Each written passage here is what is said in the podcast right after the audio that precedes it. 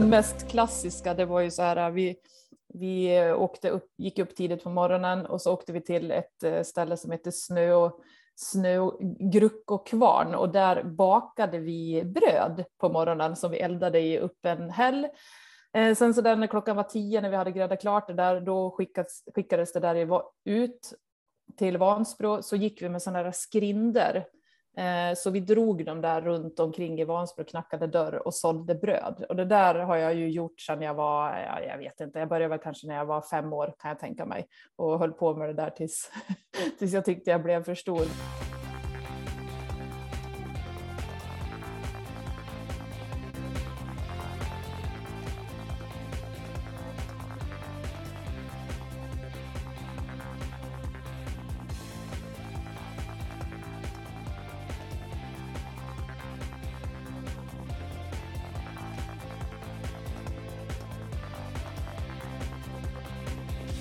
Och mycket varmt välkomna till ett nytt avsnitt av O-ringe-podden. Och idag säger jag välkommen till Anna-Karin Strömstedt. Hallå Anna-Karin! Hej! Hur är läget i Oslo där du bor nu för tiden? Jo, det är bra. Det är en klassisk eh, tåkedag här idag. Holmenkollen-tåken ligger tungt här, men eh, annars så är det fortfarande en fin vinter så jag har precis varit ute och tagit mig min, en, min dagliga skidtur här på morgonen. Ja, det är fantastiskt. Du bor uppe nära Nordmarkaområdet. Mm, precis. Eller i precis. Nordmarkområdet nästan. Ja, det kan man väl egentligen säga. Precis där Nordmarka startar, där kliver jag på och eh, ger mig ut. Så att, eh, jag bor väldigt fint här uppe. Ja, trevligt. Och Tåke, ska du ta det också? Det är kanske inte alla som förstår vad Tåke är. Nej. Nej, men eh, när det är eh, tävlingar i Holmenkollen så är det ju antingen fantastiskt väder eller så är det Tåke och då ser man ju tio meter framför sig. Och idag så ska det ju vara avslutningen på skidskyttevärldscupen och då fick de ställa in den och den ska bli imorgon då, för de ser ju inte de ser ju ingenting när de skjuter. Så att eh, tåke är alltså dimma då, som, eh, och då där den, tåken är i Holmenkollen, då är den riktigt tung. Är det där ett ganska vanligt eh, fenomen då i Oslo med fjorden och staden som ligger ganska lågt och så är det en viss höjdskillnad upp till eh, Nordmarka och Holmenkollen som du pratar om?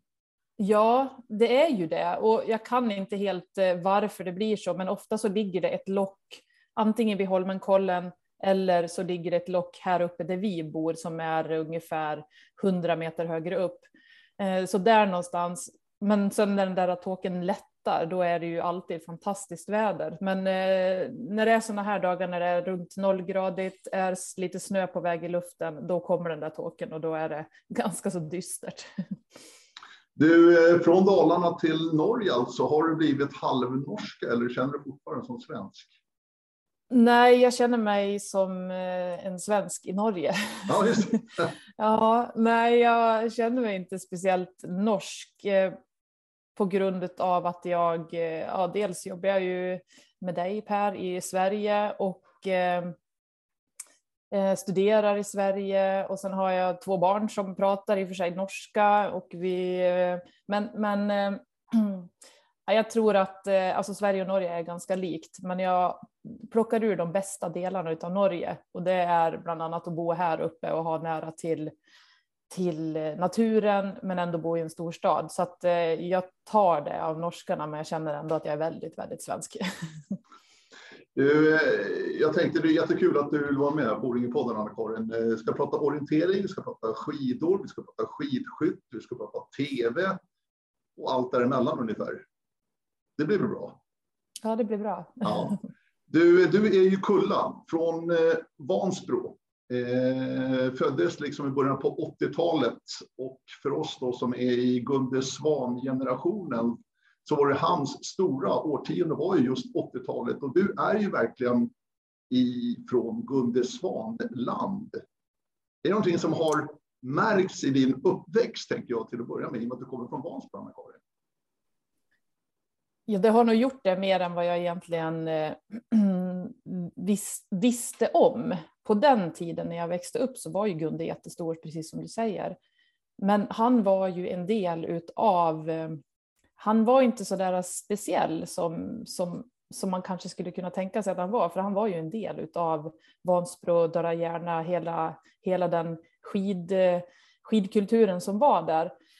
Men sen eh, när jag blev lite äldre, för att ja, men som Gunde, han gick i samma klass som min morbror och det var, han var ju en vän på, på ett sätt egentligen. Men sen när jag blev äldre och började förstå hur stor han var, då betydde han väldigt mycket för mig för att han, men just de här delarna i hans, eh, alltså Gunde är ju en speciell person. Han har ju in, sin inställning och sätt som han gör olika saker på allting och det tyckte jag var så otroligt häftigt så att jag försökte träna lite grann med han ibland och försökte ja, men bara komma in i hans tänk lite grann. Men, men eh, självklart har ju Gunde varit med och format hela, hela Vansbro egentligen med den skidkulturen som man ändå har tagit dit eller som alltid egentligen har funnits där.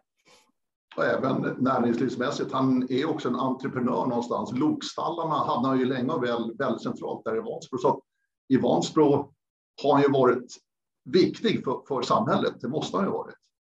Ja, absolut. Och jag kommer ihåg när vi var små, då, åkte vi ju, då hade vi ju en reklam på mössan och det var ju Gundes motor, för han hade ju även en eh, bilfirma där som han eh, eh, ja, jag kommer inte riktigt ihåg hur länge han hade den där, men eh, det var våran, det var våran enda sponsor som vi hade och som sagt, ja, allt, eh, mycket av näringslivet har ju han och Marie byggt upp någonstans. De hade ju, Lokstallarna var ju en viktig samlingspunkt för, eh, för, Sverige, eller för Vansbro och sen så de tog dit mycket folk dit och sen så har ju det där växt. Nu har de sålt det där men eh, det är ju många etablerade företag som håller till i de byggnaderna som Gunde och Marie byggde upp igen. Då. Men du, du som liten och ungdom då, då skidor, orientering, var det det som lockade eller var det någonting annat också? Där? yngre? Ja, men jag försökte nog att prova på det mesta som fanns i Vansbro. Det, utbudet på idrott var ju kanske inte jättestort. Mm, men jag spelade mycket innebandy och fotboll när jag var liten. Men det var ändå skidor och framförallt löpning som var redan från starten var det ja, det som ändå var huvuddelen av min aktivitet ska vi säga. Jag ska inte säga att det var träning, för det var, för det var också en social grej. Vi, många i min eh, som bodde på gatan där jag bodde, de åkte skidor och vi drog på träningarna för att, eh, för att träffas egentligen. Så att, eh, sen var det klart att när mamma och pappa var intresserade av skidor, orientering, då var det lättare att det blev så. Men i Vansbro, skidor, är det viktigt skulle du säga för liksom bygden? Jag menar, det är ju inte så långt ifrån Vasaloppsland uppe i Sälen, Mora, eller strax norr om Vansbro, men skidor i Vansbro. Skulle ja, alla det... liksom köra och åka skidor? No, nej, ja egentligen. Jag tror att min mamma och pappa försökte. De var ju idrottslärare. De köpte in skidor där och försökte få alla att åka skidor. Och eh, det var väl med blandad förtjusning skulle jag vilja säga. Men eh, Nej, alltså vi var ganska duktiga i skidklubben under när jag var junior, ungdom junior, men sen så nu så är det ju inte jättemånga som håller på tyvärr längre, utan det är ju de här eldsjälarna som fanns på den tiden och som drog ett stort lass och tungt lass för att eh, hålla skidklubben uppe. De, de, eh, ja, de har ju blivit gamla. Och sen är det ju andra som ska ta över och då gäller det ju också för dem att de har skidåk eller barn som är intresserade av skidåkning och när det inte är så så, så ja, minskar ju antalet eh, barn som är med så den, den är inte speciellt stor men eh, vi fick ju i alla fall fram Moa Olsson. ja, exakt. Vi kanske kommer tillbaka till Moa. Hon är ju med i det svenska skidlandslaget nu för tiden. Ja. Uh, Vansbro AIK, va? Är det så klubben mm. heter? Ja, ja precis. Du, du åkte från hela din längdkarriär va? för Vansbro? Ja, det gjorde jag. Fick du inga locktoner från de större klubbarna i landet? Det måste du ha fått? Jo, det gjorde jag. Jag eh, fick, eh, nu kommer jag inte riktigt ihåg, men jag vet att jag var i kontakt med IFK Mora en stund. Och eh, tror även att det var andra klubbar längre bort. Men eh, då var det mer det här att jag ville ha, för det var inte så många i klubben och ville kanske ha lite mer hjälp med vallning och sådana där saker. Men det löste sig väldigt bra ändå. På, för jag fick hjälp det, när pappa kände att han inte riktigt klarade av att ge mig konkurrenskraftiga skidor så fick jag hjälp av leverantörer som ställde upp väldigt bra. Så att, nej, jag blev där. Jag hade det väldigt fint egentligen i den klubben. Men var det lite det här hjärtat också fanns någonstans i Vansbro att du ville åka för det verkligen?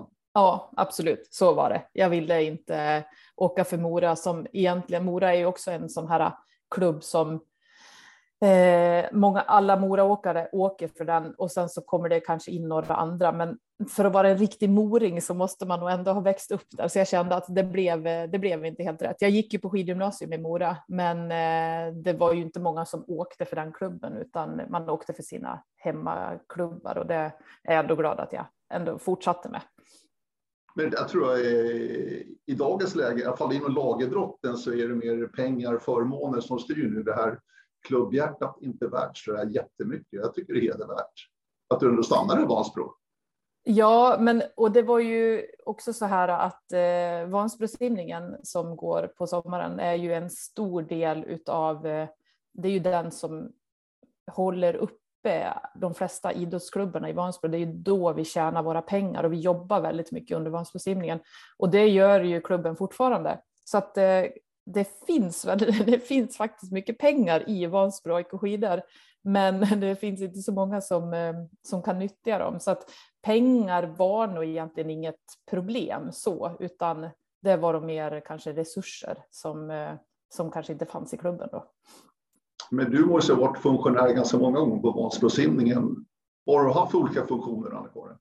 Ja, du, alltså det, den mest klassiska, det var ju så här, vi, vi åkte upp, gick upp tidigt på morgonen och så åkte vi till ett eh, ställe som heter Snö, och Snö Gruck och Kvarn och där bakade vi bröd på morgonen som vi eldade i öppen häll. Eh, sen så där när klockan var tio när vi hade gräddat klart det där, då skickades, skickades det där ut till Vansbro så gick vi med sådana där skrinder Eh, så vi drog dem där runt omkring i Vansbro, knackade dörr och sålde bröd. Och det där har jag ju gjort sedan jag var, jag vet inte, jag började väl kanske när jag var fem år kan jag tänka mig och höll på med det där tills, tills jag tyckte jag blev för stor. Men det har jag gjort. Eh, jag har eh, sålt eh, mat i våra tält. Jag har stått på bryggan och tagit emot eh, simmare som kommer upp i mål. Jag har suttit i båtar.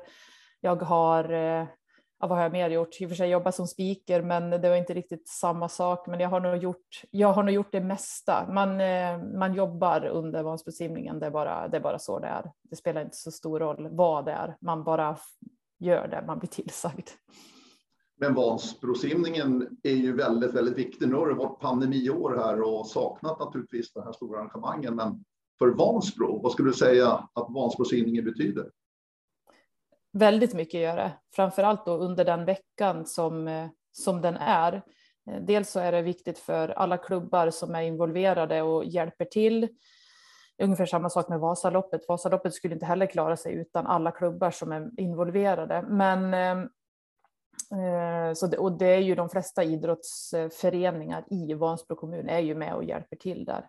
Och sen så är det klart att det hjälper till i alltså själva näringslivet hjälper det också mycket till. Det kommer folk till Vansbro. Sen, eh, och så, så, det har ju varit väldigt tungt nu de här sista två åren när det inte har gått att genomföra. Men nu ser det i alla fall ut som att det blir någonting till sommaren och, och det jobbar de ganska mycket med nu för att eh, verkligen bygga, bygga upp det här igen. Så att, eh, det, är en, det är en stor del, tack vare också att klassiken finns med i, i Vansbrosimningen så hjälper det också till. Vi ska snart stänga dörren till Vansbro. Bara avslutningsvis, känns det fortfarande som att komma hem, Anna-Karin, när du åker till Vansbro? Ja, det gör det. Det är ganska skönt att komma in där, sätta sig vid köksbordet, ta en kaffe och sitta och prata med mamma. Och det, nej, det är, eh, jag brukar säga det att det är lugnt och skönt. När jag kommer till Vansbro så kan jag slappna av och det är väldigt lugnt och skönt och så ja, bara göra det man alltid gjorde förut. Du springer runt och hälsa på släktingarna och behöver inte ringa runt utan man bara knackar på dörren och alltså det är enkelt och väldigt skönt att vara där. Du, eh, längdkarriären var ju det som först tog fart för dig, Anna-Karin, som ungdom redan visade du framfötterna. Vann något eller några ungdoms-SM, vill jag minnas. Var det då du insåg att det här ska jag nog satsa på eller kom det ännu tidigare? Ja, Det var ja, ja, bra fråga faktiskt. Jag vet inte riktigt, men jag tror att jag insåg det kanske redan när jag började på högstadiet och började känna att jag, att jag började träna lite mer. Då, och jag vet att jag slutade med fotboll för att jag eh, skulle satsa på, på längdskidor. Jag var ju väldigt duktig att springa också, men eh, det var mer en eh, träning till eh, skidåkningen. Så att det var nog någonstans där kanske 14-15 år skulle jag kunna tänka mig. Vad var det som var roligt med skidåkningen som gjorde ändå att du prioriterade det? Ja, det där är ju en väldigt svår fråga att svara på för att jag har jag, jag har alltid, när jag var yngre så drevs jag av att vinna tävlingar. Och då, jag vet ett år, då vann jag 31 av 31 tävlingar en vinter. Så det blev en sån där grej för mig att jag skulle bara vinna. Eh, men sen så, och det är ju ingen bra motivation att ha det. Eh, för att eh, när det då inte går bättre så är det svårt att hitta motivationen. Men någonstans så fanns det ändå en glädje till skidåkningen som gjorde att jag tyckte det var, jag tyckte det var kul att vara ute och tävla, även om jag var extremt nervös och det var jättejobbigt så. Och sen så bara vara ute på själva tävlingar och vara i den där delen, det, det drevs jag av. Men sen har jag haft många, många upp och nerturer med, jag har bland annat slutat en gång när jag var, gammal var jag då, då? 19 tror jag, tog ett eh, break ett år och sen för att jag ja, jag visste inte varför jag höll på med det. Det gick tungt och jag hade ingen glädje i det alls. Sen drog jag ut och reste, hittade glädjen i det och då kände jag att eh, nu vill jag göra det här bara för att jag tycker att det är väldigt kul att göra det och jag vill se framgång och, och sådana delar. Men eh, från starten så, så hade jag nog inget riktigt mål och det tror jag är jättesvårt att hålla på med någonting om man inte har det. Alltså det går ju inte att ha ett mål att jag ska bara vinna. Det funkar ju inte. Så jag fick tänka om där för att eh, göra om och göra rätt. Ja, vi kan gå tillbaka. Jag var lite nyfiken. Du, du sa att du var extremt nervös inför tävlingar. Mm. Var, var, du det under hela din karriär? Liksom? Var det någonting du behövde eh, processa och hantera inför varje tävling? Ja, det var, det var otroligt jobbigt var det. Och framförallt var jag, jag var mer nervös när jag sprang löptävlingar. Vet inte riktigt varför, men jag tror kanske att jag visste att det skulle bli väldigt, väldigt jobbigt. Samtidigt som jag visste att jag ville vinna. Och den kombinationen, den kunde jag inte riktigt hantera. Så jag var, jag kunde vara jag kommer ihåg, eh, jag sprang ofta Stockholm minimaraton och det var ju i slutet på eh, ju, eller början på juni, ja, det var juni någon gång tror jag. Mm. Då bodde vi i mm. vår stuga nere i Trosa och sen så hade jag gjort den där tävlingen och stängde dörren och så bara, åh gud vad skönt, nu är det fyra månader till Lidingöloppet. Nu kan jag slappna av i några månader. Men eh, nej, jag vet egentligen inte varför jag var så otroligt nervös. Jag var lika nervös när jag åkte längdskidor, men då kunde jag hantera det på ett bättre sätt. Men det har varit, men sen är jag också en person som taggar till när jag är nervös. Så det var en del i min uppladdning att vara nervös. Men när jag var så där nervös att jag inte kunde hantera det, då hade det ju gått för långt. Så att eh, till slut så lärde jag ju mig att ja, jag måste vara riktigt nervös, även om det ändå är, det är ganska jobbigt ändå att behöva ha det där hela tiden. Mm. Men, men någonstans var du rädd för smärta? Smärtan? Var du rädd för att förlora? Var du rädd för att göra bort det? Alltså... Ja, jag tror det. Jag tror att det var en kombination av de tre delarna. Eh, och eh, ja, jag har tänkt mycket på det här i efterhand. Jag vet faktiskt inte varför jag var så himla nervös. Jag, men det är någonting där. Men jag ville så gärna göra mitt bästa och var kanske lite rädd för att, eh, för att misslyckas. Och i efterhand så här så så är det många delar som man ser i sin karriär att det här borde jag ju ha gjort annorlunda. Och det här är ju en av de delarna som jag borde ha hanterat bättre, men det, det lyckades jag inte med då när jag höll på. När jag sprang orientering däremot var jag inte nervös. Var du inte nervös då? Nej, då visste jag att jag hade ingen chans ändå. var det så illa? Ja. Men du var en duktig löpare sa du, Anna-Karin, men du hade lite problem, lite svårare med själva orienteringen. Ja, lite grann då. Som sagt var, jag var en duktig löpare. Du, eh, vi stannar kvar vid skidkarriären då, för att eh, det blev ju ändå ett ansikte för den stora svenska skidpubliken om ett annat i slutet av 97. Det var 98 års jackstarstesten faktiskt, men det var slutet av 97. Då hade jag inte ens fyllt 17 år, det var bara 16 år då, Anna-Karin. När du blev trea på ett jackstarstest uppe i Sundsvall. Mm. Eh, jag var där och jobbade för Sveriges Radio, Radiosporten på den tiden. Och jag är säker på att jag sa det här är svensk längdskidåknings framtid på damsidan. Ja, men så ja. ung. Eh, kommer du ihåg vilka som var före dig förresten i den tävlingen? Jag kollar upp det. Ja, oh ja, absolut. Det var Antonina Ordina som vann och Jenny Olsson som var tvåa. Ja, du och Jenny ja. hade en otrolig fight om andra platsen minns jag. Ja, det hade vi. Ja. Vad minns du själv av det där? För att det var ett fantastiskt genombrott ändå, alltså på, på lite högre nivå för dig, Anna-Karin. Du hade varit jätteduktig som ungdom och junior, men mm. det här var någonting annat. Mm. Nej, men det, jag tror grunden till det där var att jag kom med i juniorlandslaget och eh, då var det ju ja, Jenny Olsson då, som tyvärr inte finns med oss längre, men eh, Jenny Olsson, Mariana Handler, Lina Andersson eh, bland annat som var med där och vi, vi tränade ganska hårt gjorde vi, tränade bra och eh, hade ju en tränare som hette Sture Norén som, eh, som eh, jag ska inte säga att han pushade oss, men däremot så fick han oss väl att tro på oss. Och sen då när vi kom dit till det där SMet så var vi ju, många av oss, vi var ju topp, många av oss var topp 10 på den där tävlingen.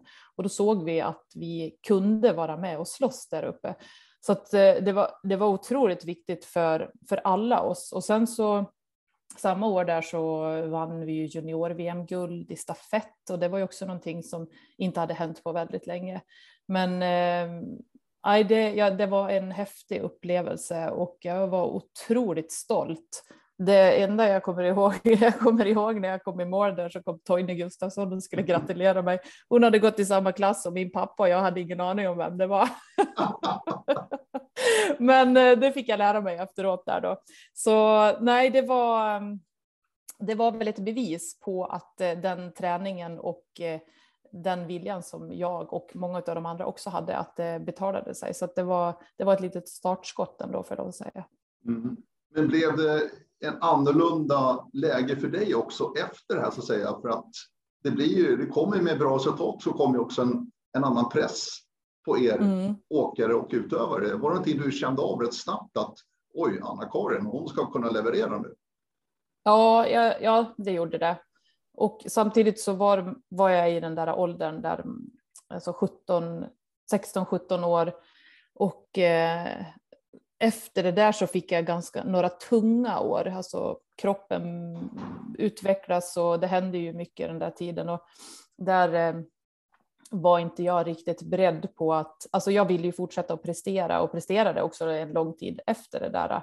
Kände att jag, ja det var väl lite grann av det där som jag pratade innan, jag var ju väldigt nervös och ville, ville visa att jag var där uppe. Men sen så gick det väldigt mycket tyngre och då eh, ja, jag hade inte riktigt den kunskapen om vad det var som hände i kroppen och hur man gör för att bibehålla en, eh, alltså utveckla steg för steg. Den hade jag inte. Så att eh, det är också en av de här delarna som jag är lite irriterad över i min karriär, att jag inte, jag ska inte säga att jag inte fick den hjälpen, för att det är ju väldigt mycket upp till en själv, men, men eh, det, var, det var svårt att hantera det. Mm. Men du sa också det, du tog ett sabbatsår sen några år senare när du liksom mm. var ganska less och försökte hitta ny, ny motivation och så där och hittade ändå, mm. ja men så här kanske jag ska gå vidare. Vad handlar det om då så att säga som du ändrade för att ändå hitta den här motivationen och kunna driva en egen karriär då framåt? Jag kommer, så, jag kommer ihåg att jag sa det, nu ska jag Alltså planen var att jag skulle börja studera och det gjorde jag i och för sig också. Men eh, Sen började jag träna lite grann och så kände jag att gud vad lätt det går att träna när, när jag tränar för att jag tycker att det är kul. Och sen så, så rullade det egentligen bara på där och det var, då, då gjorde jag det för att jag tyckte att det var kul. Jag ville ju fortfarande lyckas, men det var mer, det var en glädje i det på ett annat sätt och jag kände också att eh, att jag ville prestera för min egen skull, kanske inte för, för någon annans skull. Sen är det väldigt lätt att man hamnar tillbaka i det där, men jag tyckte ändå att jag höll det ganska bra ändå. Så att jag är en sån där person som måste ha någon motivation eller någonting som driver mig framåt, annars så kommer jag ingenstans. Men då var det framförallt glädjen som gjorde att jag, att jag ville fortsätta. Mm. Eh, hur mycket tror du påverkade den här första, eh, första åren då av eh, 2000-talet? När eh, vi på herrsidan hade Per Elofsson, Mattias Fredriksson, Tobias Fredriksson, Emil Jönsson kom sen också. På damsidan var det ganska tunt. Det var liksom inte de här stjärnorna som kunde vinna stora världscuplopp. Hur mycket tror du det påverkade dig och er, så att säga, att ni hamnade verkligen i, i skuggan på, på, i mångt och mycket? Ja, jag har egentligen aldrig tänkt på det där, men nu när du säger det så var det ju aldrig, det var egentligen aldrig ett, ett tema att vi var bra. Och då är det ju självklart att då kommer man ju ingenstans heller. Då måste det ju finnas någon som lyfter upp det. Och det gjorde det inte på den tiden. Och då var det mer, ja men då var det okej okay att man var halvbra. Eh, så att, eh, nej men det där är väl jätte, jätteviktigt verkligen. Att det finns, och att det finns någon som tror att, att man kan lyckas. Gör det inte det, och det känner man ju ganska, det känner man ju ändå när man är ute på tävlingar, att ja men ni, ni kanske blir där runt 15-20 istället, då, ja, då är det ingen som riktigt kanske vågar satsa heller på att vara högre upp i toppen. Nej, för att, eh, men det kanske är ingenting du känner i stunden där och då, utan när man tittar tillbaka. Men mm. kan det varit skillnad, tror du, också ute på tävlingar, så att killarna fick lite bättre support och liksom, där visste vi att vi hade en segerchans, men det hade vi inte på damerna som du säger. Nej, så tror jag faktiskt att det var, för det vet jag att jag reflekterade över någon gång. Och det är väl kanske, jag skulle nog kanske inte säga att det är så nu, men jag tror att det var så då. Och det kan vara så att det blir en självklar del i det hela, men eh, absolut så var ju herrarna prioriterade på den tiden. Det var de. Men i dagens läge, Anna-Karin, så är det precis omvänt. Idag är det de svenska damerna som håller den svenska flaggan absolut högst, utan mm. tvekan. Ja. Tror att det kan vara samma sak idag, att det är omvänt så att säga, det vi pratar om precis? Nej, det tror jag faktiskt inte. Jag tror att, eh, jag tror att resurserna som eh, går åt, de, de fördelas jämnt över både damer och herrar. Jag tror inte att det hade inte fungerat nu. Det var, det var så starka personer på den tiden när jag höll på var det så starka individer som var i toppen. Det är det ju såklart fortfarande nu, men eh, det skulle aldrig fungera att, eh, att det blev ojämlikheter på grund av att, att någon är bättre. Men sen är det ju självklart så att den som är bäst, den får ju oftast bättre grejer. Så att någonstans så blir det ju kanske någon snedfördelning som den är, den är ju omöjlig att eh, förhindra på något sätt. Men eh, från själva landslagets sida så skulle jag nog inte säga att, att det är någon större skillnad. Du, väldigt många världscuplopp gjorde du som längdskidåkare. Du gjorde ett OS och ett VM. OS i Turin 2006. Mm. Där vi framför allt, jag, jag minns ju tre saker egentligen väldigt tydligt. Dels Björn Linds fantastiska känguruavslutning och Lina Andersson som avgjorde sprintstafetten tillsammans med Anna Dahlberg, Anna Olsson lite tidigare. Och så minns jag sista sträckan, eller jag minns damstafetten i stort, för att det var så otroligt här, precis det vi har pratat om nu. Att damerna hade varit i skuggan verkligen och inte levererat och vi hade väntat och väntat. Och där plötsligt är Sverige med och fightas om en medalj i damstafetten. Det var så otroligt, otroligt läckert att bara följa. Och där körde du sista sträckan, Anna-Karin. Mm. Och är ju så nära att fixa en bronsmedalj där. Ja. Ja, det där är ju så där blandad förtjusning i det där för att eh, fjärde plats på ett OS är ju det värsta som, eh, som kan hända egentligen. Och eh, jag var ju. Jag åkte jättebra gjorde jag, men jag var ju absolut inte förberedd på att hamna i den där situationen. Att jag skulle slåss om en medalj för att det var som sagt det var inget tema för oss att vi skulle vara så där högt upp. Och jag låg ju tvåa stora delar av den där äh, sista sträckan också. Men ehm, så att eh, hade jag haft, hade vi snackat lite mer taktik innan och eh, målat upp de här scenarierna så hade jag ju förmodligen lagt upp loppet på ett annat sätt och kanske kunnat vara med och spurtat. Men eh, det, jag var helt slut på slutet. Kolla på den där äh, filmen för inte alls länge sedan hur det såg ut och det ser ju helt bedrövligt ut. Men nej, det var häftigt ändå var det. Men fjärde plats på ett OS, det är, det är, inte kul. Nej, men ta oss tillbaka, svenska laget och liksom hur du upplevde, vilka du åkte mot där på sista sträckan. Det kan vara kul för folk att höra. Ja, hon hette väl, hon, ryskan som, som vann hette väl Matvejeva tror jag. Ja, stämmer. Och sen var det ju, eh, nu kommer jag inte ihåg vad hon från Italien hette, men sen var det ju Claudia Künzel Nystad som kom bakom mig med en väldigt, väldigt spurt. Och eh, hon var ju också känd för att kunna spurta, så hon hade ju ändå lagt upp det där loppet för att kunna göra det. Jag hade ju kört allt jag orkade hela vägen och så hade jag ju ingenting på slutet. Eh, och sen när jag eh, hade svängt upp, jag kommer väl ihåg hur jag åkte upp för en lång, lång uppförsbacke. Sen vek man ner mot stadion. Sen när jag kom in mot stadion låg jag först där de andra kom med högre fart och kände att herregud, jag har ingenting att sätta emot med och de andra kom med mycket högre fart och det var Nej, det var, det var hemskt var det. det var, jag låg där i målområdet länge och var bara helt förstörd över att det blev som det blev. De andra tjejerna däremot var ju helt överlyckliga att vi blev fyra och också såg att vi hade kunnat vara med och fått en medalj. Men där och då så såg ju inte jag det. Men det var ju såklart jättebra det vi gjorde. Britta Norgren var ju bland annat med också där hon åkte ju tredje sträckan. Hon och jag var ju, kom ju med på det där OSet och Britta åkte också väldigt bra under det där OSet. Vi hade, hade väldigt mycket kul ihop, hon och jag. Mm. Så att, äh, det var, äh, det jag hade hellre tagit en bronsmedalj. ja, det, det, förstår jag. Men de två andra då som åkte de första sträckorna för svenska, i det svenska laget? Där? Ja, det var ju Anna Olsson och eh, Eh, nej men gud, Lina, var det Lina Andersson? Lina, Lina Andersson, ja. Jag funderade på om det var Elin Ek, men det var det ju inte, utan det var Lina, Lina och Anna, jag och Britta, ja precis. Mm. Så mm, nej, men jag tror inte ens att jag tror inte ens att vi pratade taktik överhuvudtaget innan det där loppet. För att, eh, och det var ingen av ledarna heller som, som eh, det var inget tema där, så det var, ja, det var synd det, det hade kunnat gjort skillnad tror jag faktiskt i, det, i den stunden. Mm. Ja, det, var, det var så otroligt häftigt i och med att det var så pass överraskande som, som du är inne på också. Att ni var med mm. verkligen och ja. fightades om en medalj. Det nej, det var sjukt häftigt att följa det måste jag säga. Ja. Jag kommer aldrig glömma den. Nej, riktigt inte, inte jag heller. Nej. Du, sen gör du ett skifte några år senare och blir skidskytt. Vad ligger bakom det? Jag eh, kände väl att jag inte hade så mycket mer att ge i längdskidorna. Det var, jag var inte riktigt beredd på att eh, lägga ner den tiden. Jo, den tiden hade jag nog, men jag hade inte motivationen att träna lika bra som de andra gjorde.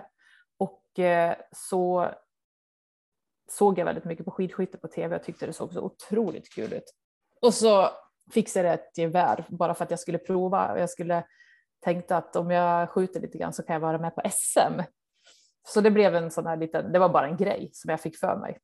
Och så var det, eh, skidskytte är ju fantastiskt kul så att jag var väl med på SM där och gjorde det väldigt bra och kom med i landslaget på en gång där så att eh, det var det var, det var inte tänkt att jag skulle hålla på i fyra år med skidskytte, men så blev det för att jag fick den möjligheten och det var det är en resa som, som jag inte är, eh, vill vara utan.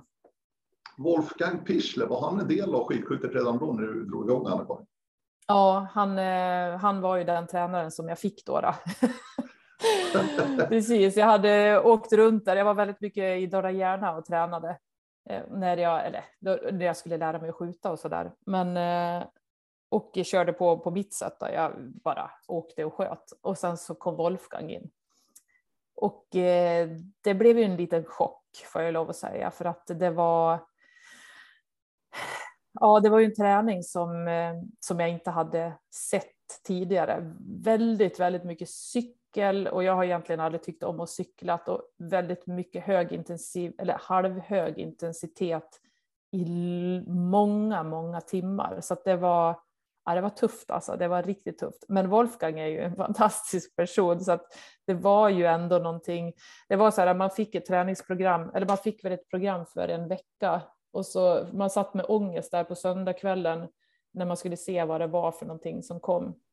Och så var det alltid eh, träning i fem dagar och sen var det vila i två dagar. Så det var ju bara att göra det där. Det var, det, då var det mer att man bara gjorde träningen för att den skulle göras och den var eh, mycket av den var ju ändå kul, men det var ju vissa pass som var bara helt, eh, bara helt bedrövliga. Jag vet att ibland så, vi körde ju alltid med pulsklocka, ibland så satte jag på pulsklockan, gick och la mig och sov och så stängde av den efter tre timmar.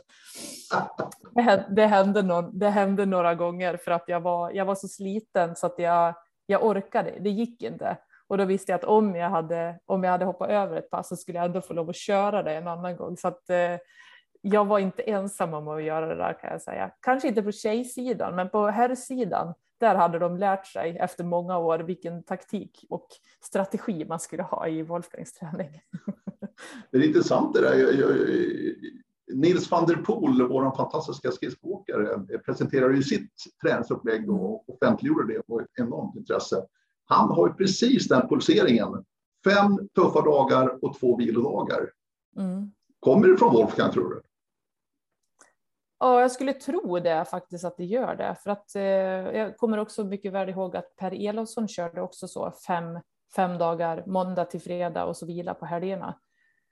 Och eh, ja, det är väl både för och nackdelar med det. Man är ju otroligt sliten på torsdag, fredag, men sen är det ju så skönt att få två hela vilodagar. Annars är det kanske vanligare att man har en vilodag ibland.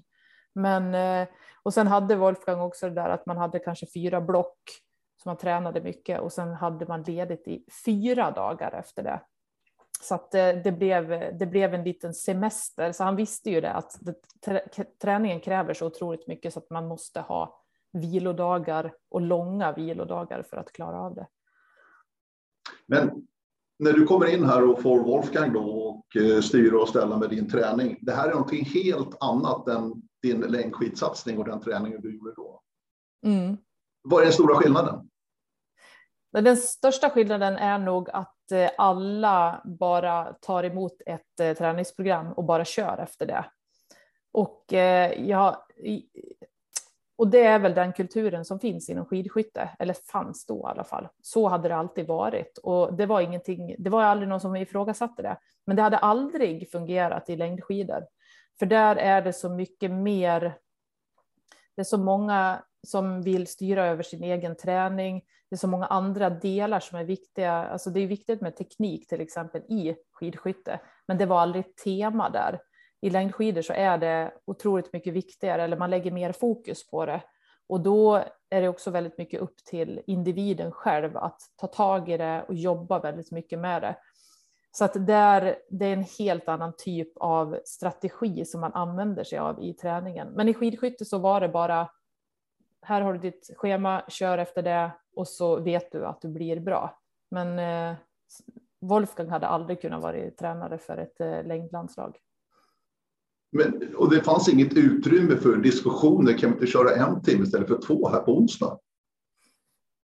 Nej, det gjorde det väl egentligen inte. Kom, men däremot kommer jag ihåg vårt första läger som vi var på. Det var på Kreta. Det var Ingela Andersson var också med. Hon och jag kom in samtidigt. Och hon hade ju aldrig tränat egentligen i hela sitt liv. Så hon eh, till slut så hon hade ingenting kvar. Hon var alltså så slut så att eh, han bara, nu måste du köra upp till toppen och hon bara klev av cykeln. Hon kom inte längre. Då, då var det okej okay att avbryta. Men annars så var det bara att köra på. Det var, inte, det var inget tema att inte följa planen. Men det är också ett tecken, Anna-Karin, på att man litar väldigt mycket på att Wolfgang, ah, han kan det här, det här måste vara mm. rätt. Ja, så var det ju också. Det var, och det är också ganska enkelt att träna på det här sättet, för du behöver egentligen inte tänka speciellt mycket själv. Det är klart att är du riktigt sliten så kan du säga det till Wolfgang och visst, ja, det kan bli några justeringar. Men eh, nej, det, är nog, det var nog så att eh, för Wolfgang är ju en sån person som man litar på och det var väl det alla gjorde och då fanns det egentligen ingen anledning att tänka på någonting annat. Är det sant eller är det en skröna som jag har hört med Wolfgang Pichler att han krävde in bilopulsen på morgonen när man vaknade, skulle faxas till honom? Ja, Eh, ja, precis. Den där faxen höll väl på och den försvann väl då precis då. Eller jag... mejlas då. Ja. Eh, vi, skick, vi, skickade ju våra pulsfiler till honom varje dag gjorde vi. Eh, och vilopulsen, nej, den har jag aldrig skickat in för att eh, den, jag var så nervös på morgonen när jag skulle ut och träna så det var ingen idé att ta den där vilopulsen. Jag, så jag hoppade över den, men jag tror att det är många som faktiskt har gjort det. Eh, så det är nog ingen skröna, det stämmer nog. Vad är det svåraste med skidskytte?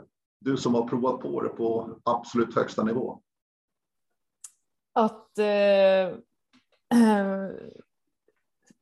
Ja, det beror helt på vad man är för typ av person. Jag är ju en ganska energisk person som gör mycket eh, lite så här på uppstuds och eh, det kan man inte göra i skidskytte utan där måste det vara fullt fokus, fullt fokus på skidåkningen och fullt fokus på skyttet. Och jag klarade, alltså jag hade ju många bra resultat, men eh, den där kombinationen att kunna kombinera skyttet med eh, skidåkningen det är det absolut svåraste. Och man ser ju också på sådana som till exempel Stina Nilsson, nu har det ju gått bra för henne, men eh, på slutet här, men att gå från, man ser också att när man är duktig att åka skidor så går det oftast eh, formen ner. Man klarar inte helt av att behålla den för att det tar så mycket energi att klara av att fokusera på skyttet. Så att hitta den där kombinationen där, det är, det är det absolut svåraste. Att slå om och verkligen vara fokuserad vid skyttet. Det låter som en otroligt svår balansgång det där. Hur ja, mycket men... man ska våga trycka skidåkningen, hur liksom ska jag hantera allting när jag kommer in på vallen. Alltså det är väldigt mycket måste det vara sånt där att tänka på. Ja, men det lär man sig egentligen ganska snabbt för att där kan man egentligen gå mycket på puls också. Men, men jag skulle nog säga att det, det fanns ju en anledning till varför jag aldrig blev bra att orientera. Det var ju för att jag inte kunde fokusera på orienteringen. Men jag skulle nog vilja säga att orienterare hade förmodligen lyckats väldigt bra som skidskyttar som klarar av att ha ett till moment samtidigt som man ja, men man orienterar och, och, man springer. Så där tror jag att de hade, de hade nog klarat av det där bättre. Men jag, eh, till exempel Anna Hag, hade inte blivit någon bra skidskytte. Varför inte då? Förlåt Anna att jag säger så, men, eh, nej, men hon är lite grann som mig. Det är lite för mycket rätt på och bara köra efter känslan och så där. Alltså, det, det funkar inte i skidskytte. Så att det är svårare att lyckas i skidskytte än i längdskidåkning skulle du säga? Eh, ja, jag tror nästan det. Men om du är rätt typ av person så är det inte svårare. Då är det nog, har du, kan du skjuta och klarar av, Anna-Karin Sidek till exempel, hon, hon är ju en ganska lugn person på ett sätt och för henne var det inga problem. Men där skiljer hon och jag oss åt ganska mycket. Så, att, eh, så vissa, vissa personer klarar det ju och då, om man har det där då, då går det lättare. Så då är det nog, jag ska inte säga att det är lätt, men du har i alla fall förutsättningar för att du ska lyckas. Mm. Försöker hänga med fortfarande i eh, skidskyttet också, världscupen, kika på det du kan. Ja, alltså i år har det ju blivit väldigt lite. Jag har försökt att inte fokusera på det för att jag har velat fokusera enbart på längdskidorna, men jag kollar alltid resultat. Jag går alltid in och kollar på åktider. Jag går in och kollar på så det, har jag, det gör jag jämt. Även om jag inte följer tävlingarna så kan jag sitta och följa med när de kör. Jag tycker det är jättekul att se. jag förstår det. Härligt. Du, vi ska prata lite eh, tv alldeles strax, men jag tänkte bara eh, hålla mig kvar eller ta oss in i lite media och mediala sidan. Där du har varit med mig hela vintern här på, på Nämnt och via Play Vinter. Det var fantastiskt kul. Men eh, vi har ju samarbetat tidigare och jag tänker på O-ringen och Radio O-ringen som du var med ett par somrar. Det var mm. väl Borås och var det Sälen också?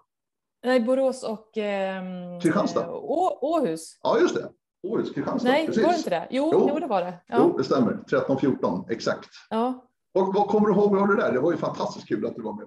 Tycker jag. Det tyckte många med mig kan jag säga. Ja, nej, det var.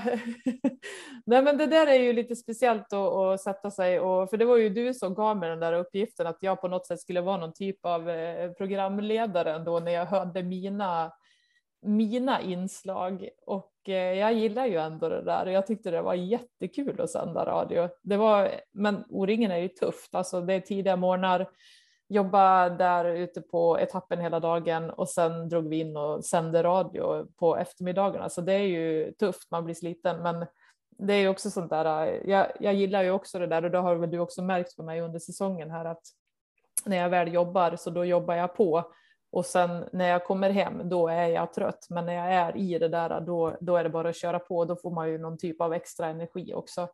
Men eh, nej, radio, det var, Ja, det var spännande. Jag tyckte det var väldigt kul. Vi får väl se om det blir någon mer gång. Ja, man vet aldrig. Man Nej. vet aldrig.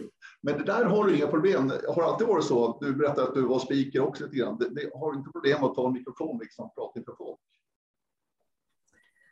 Jo, men lite grann ändå. Det är inte någon sån här. Det är inte någon sån självklarhet som det kanske är för dig att eh, bara göra det. Jag måste ändå känna att jag har självförtroendet och att jag har någonting att prata om. Har jag inte det, då kan jag, då kan jag inte.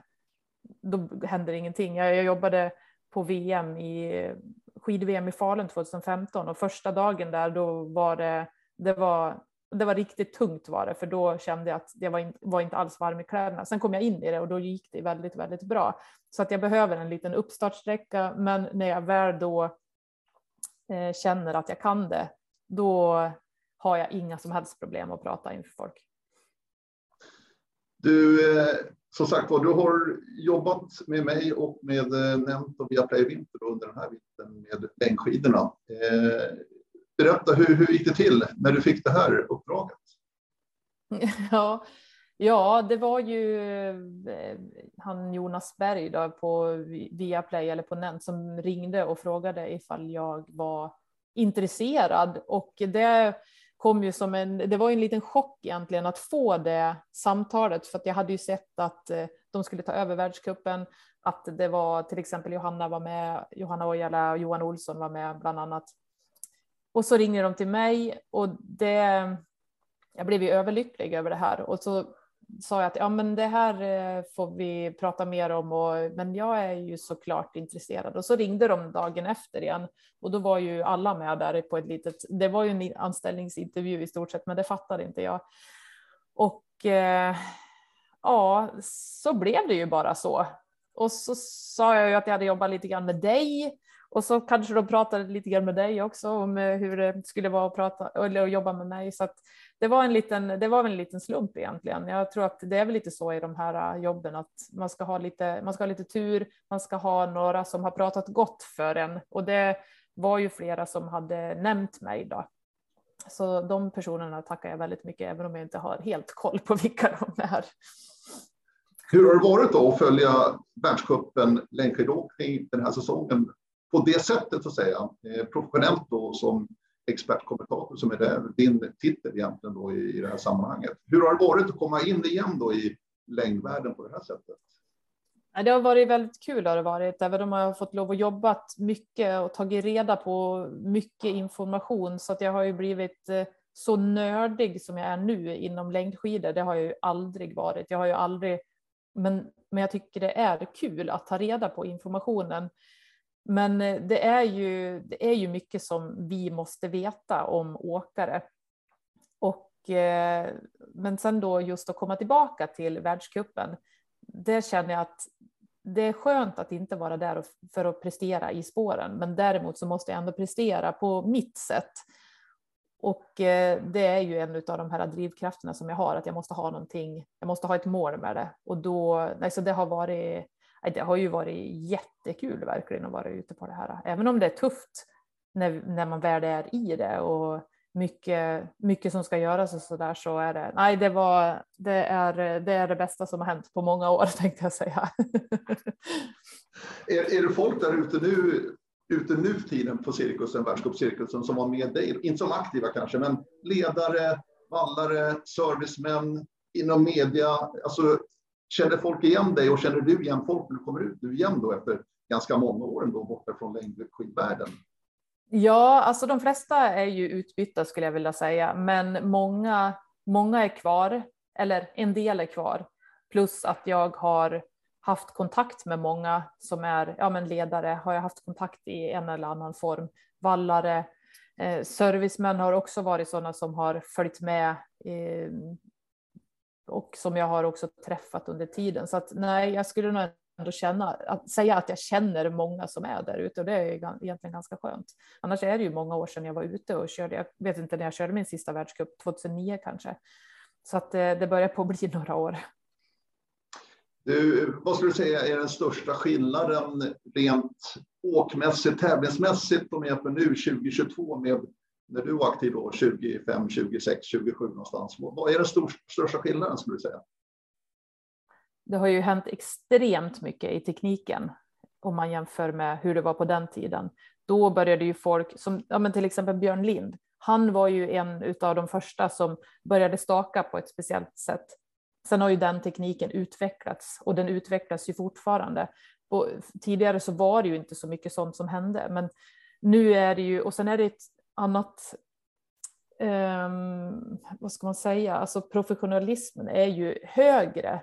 Det, är, eh, det ställs högre krav på åkarna för att lyckas. Och det gjorde det väl kanske på den tiden också, men det är mer, alltså den där toppen, spetskompetensen finns ju hos de flesta åkarna. Och eh, till exempel en sån som Jonna Sunding som vi har sett här på slutet, hon, hon är ju helt unik där och de personerna var, fanns kanske inte på, riktigt på samma sätt då.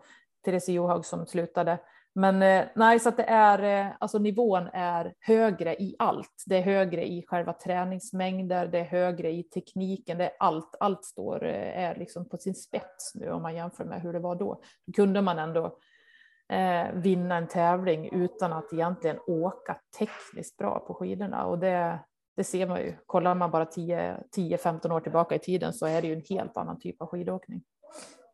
Vart är längdskidåkning på väg tror du om tittar framöver? Jag tänker till exempel på långloppscupen och Ski Classics där de stakar. Det är blanka skidor, det finns ingen fästvalla längre fast det är klassiska tävlingar. Mm. Får vi se den utvecklingen, tror på världscupsidan också, att den klassiska tekniken är i fara? Ja, troligtvis så kommer det ju att bli så. Det, är, eh, det finns ju flera aspekter i den där delen att ta bort Eh, den klassiska skidåkningen. En är ju att eh, göra det mer jämnt så att alla har samma förutsättningar just med valla och sånt. Men sen också att det i många banor så behövs den inte. Nu försöker man ju ändå med de här teknikzonerna att behålla den så att eh, eh, nej, det måste ju till någonting speciellt om den ska överleva. Det tror jag. Men jag hoppas ändå att den, att den finns kvar så länge som möjligt. Sen eh, Sen är det ju ändå skaten, att kunna ha både skate och klassiskt i, i tävlingarna är ju ändå ganska trevligt skulle jag väl vilja säga att man kan byta mellan dem där. Men eh, ja, vi får se. Jag tror det kommer att hända, någon, kommer att hända ganska mycket de närmaste två, tre åren faktiskt med det där.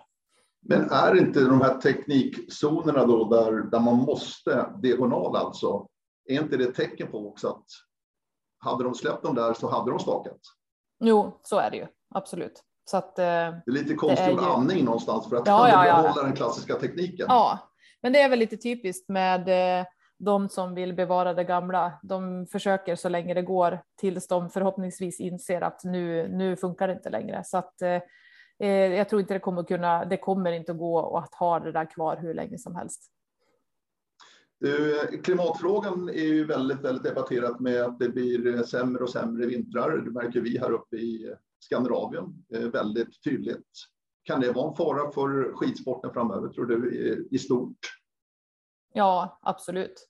Det ju, handlar ju också dels om man tänker rent tävlingsmässigt så blir det ju att tävlingarna kanske får flyttas till ställen där det är ja, dels kanske på hög höjd och eh, på ställen där det finns snö. Men sen handlar det ju mycket om rekrytering också.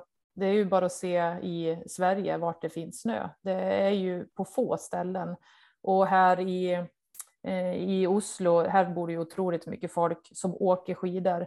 Men eh, det krävs ju ändå att det finns konstsnö. Så att eh, Eh, rekryteringen, det kommer ju att bli tuffare att rekrytera barn och ungdomar till att eh, åka skidor om, eh, om snön försvinner. Det är tungt redan nu, men det kommer ju att bli värre. Så att, jag, jag kommer ihåg jag sa det för några månader sedan att ja, men ja, fem, fem år till i alla fall, då kommer det väl att gå bra. Men sen vad händer sen? Det vet vi inte. Så det, är, det känns, känns inte alls bra. Det gör det inte.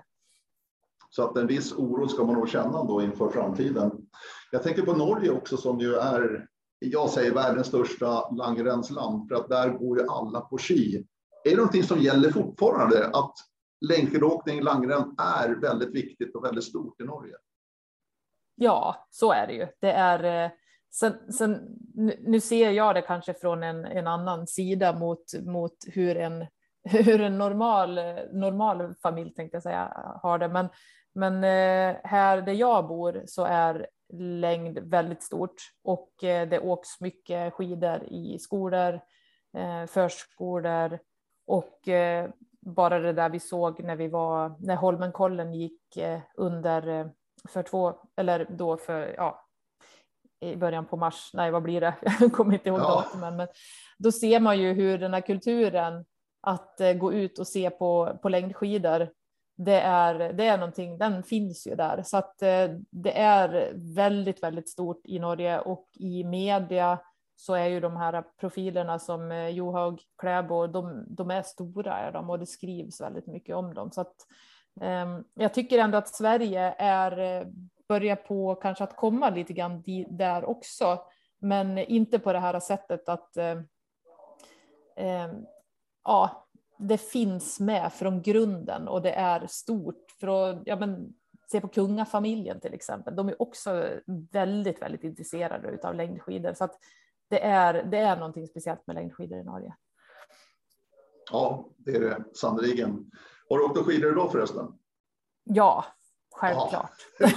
Ja, alltså nu är det ju Eh, den finaste tiden på året. Det är väldigt mycket snö här ute och de drar upp nya spår varje dag. Jag blir, det, är nästan, alltså det är nästan helt eh, ja, det är konstigt alltså att de, de går ut varenda dra, dag, drar upp eh, milsvis av spår så att jag går ju aldrig ut en dag utan att köra ny, nypreppade spår. Och, eh, så att jag kommer att åka skidor så länge det bara går. Jag tycker det är kul och idag har jag ju faktiskt till och med kört intervaller i klassisk stil och det har väl Va? inte hänt på säkert tio år. Men eh, Oj. nu kände jag att nu måste jag prova på det här igen och det var, var tungt. Anna-Karin Strömstedt, eh, det var ett nöje. Verkligen, vad kul att du kunde vara med på O-ringen-podden. Tack, det var väldigt kul att eh, vara med. Precis, om vi tittar in i spåkulan igen, blir det någon orienteringsövning framåt sommaren och barmarken? Tror du? Ja, någon träningsorientering i Vansbro kanske? Ja, absolut. Men eh, jag har också tänkt att min son Frans som blir sex år till sommaren, han har varit med på några sådana här träningsorienteringar, inte många, men jag tänkte att vi skulle försöka komma iväg på lite mer här i Norge också. Sen blir det garanterat någonting i Sverige till sommaren eller hösten också. Kul! Underbart! Eh, stort tack Anna-Karin! Tack! Och tack ni som har lyssnat också. Hör gärna av er. Radio snabel är som vanligt adressen. Vi säger tack och hej. Hej då!